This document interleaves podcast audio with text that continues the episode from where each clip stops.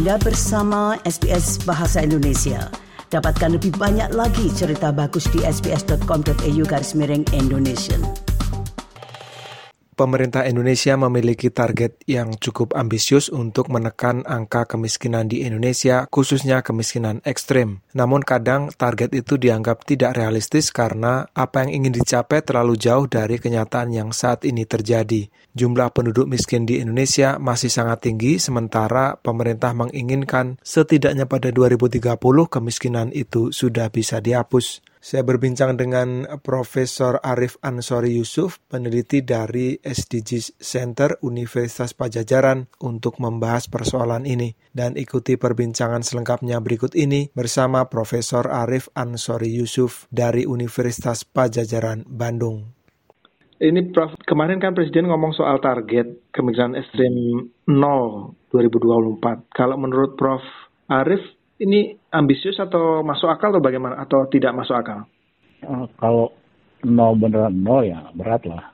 Hmm. Kalau praktik mendekati nol mungkin saja, cuman nggak juga karena karena udah 2023 angkanya di atas satu, yeah. atau satu dua susah lah menurunkan penyebaran oh. ekstrim satu apa di bawah satu di satu persen dalam setahun itu.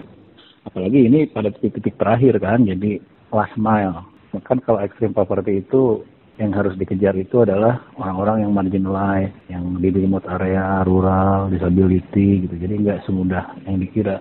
Identifikasinya aja susah. Hmm. Jadi kalau tercapai apa enggak, kayaknya sih nggak akan tercapai. Yang lebih optimis bagaimana menurut Prof Arif sebaiknya? Kalau kalau kalau saya menurut saya sih ya kita bisa stick to SDG target aja. Kan SDG target uh, itu extreme poverty nolnya kan di 2030 ya. Hmm. Kalau itu lebih masuk akal dan kalau itu indikasinya mungkin besar kan tercapai kita dengan dengan dengan intervensi-intervensi tertentu ya. Gitu. Ya. Bagaimana antar lembaga itu bisa koordinasi? Ini memang persoalannya, Prof. Secara umum untuk extreme poverty bisa jadi persoalan, tapi bukan satu-satunya.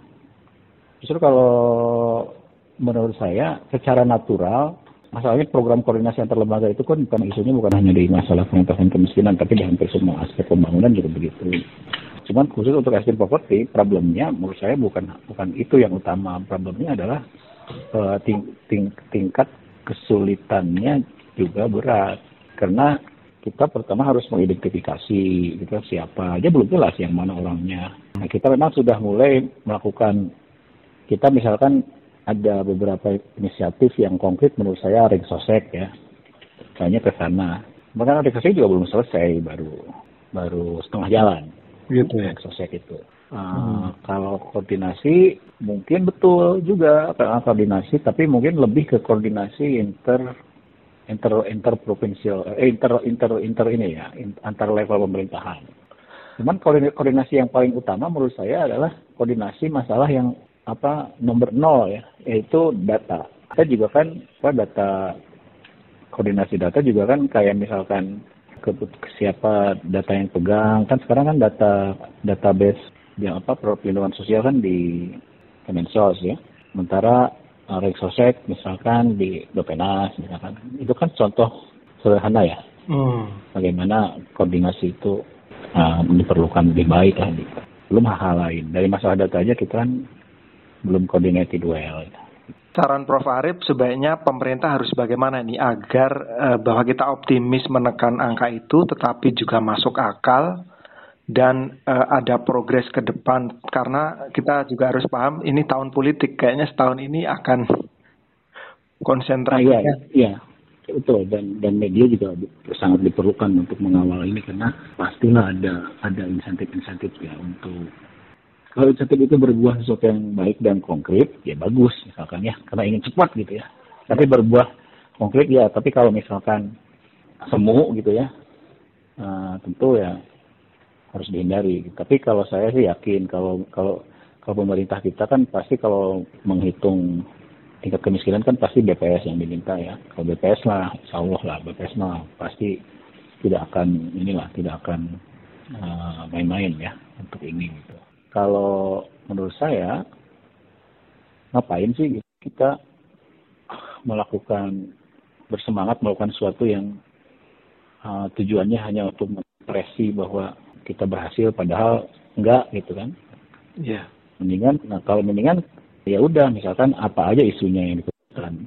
Contoh misalkan ya uh, yang yang yang bisa dilakukan oleh pemerintah untuk mempercepat poverty itu menurut saya justru uh, saya melakukan beberapa kajian ya terakhir dengan UN itu mereka yang left living yang left behind living no one behind diidentifikasi contoh misalkan yang teridentifikasi termarginalized itu misalkan perempuan berusia apa senior jadi elderly tinggal di rural area atau tertinggal gitu ya. Apalagi kalau disable gitu ya. Itu adalah uh, target-targetnya. Jadi uh, kejarlah kelompok-kelompok tertentu yang jelas-jelas dia tertinggal. Nah ini kayaknya belum. Jadi uh, dan ini sesuai dengan SDG kan leaving no one behind gitu. Betul. Dan tidak perlu fokus harus 2024 nol itu. Nah itu makanya konsisten dengan SDG aja. Gitu. Karena kalau siapa pun yang tahu data ngelihat ya siapa pun yang tidak perlu paham statistik kalau ngelihat tren kan nggak mungkin tiba-tiba curam gitu. Betul. Yang satu koma tadi kalau misalnya SDG sampai 2030 lebih masuk akal ya Prof? Masuk akal, kalau itu masuk akal. Karena kan kita di SDG Center sini di Unpad kita melakukan kajian itu. Kita kalau berdasarkan baseline saja memang akan agak off, tapi kalau misalkan pakai intervensi sedikit itu itu kita bisa tahun 2030 mencapai angka nol. Oke. Okay. Yeah. Para pendengar, demikian pandangan Profesor Arif Ansori Yusuf dari Universitas Pajajaran Bandung terkait bagaimana upaya pemerintah untuk menekan angka kemiskinan, khususnya kemiskinan ekstrim di Indonesia.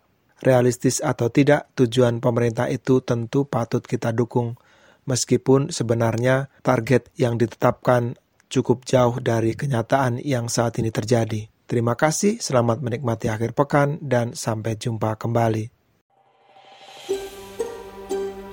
Sukai, berbagi, komentar.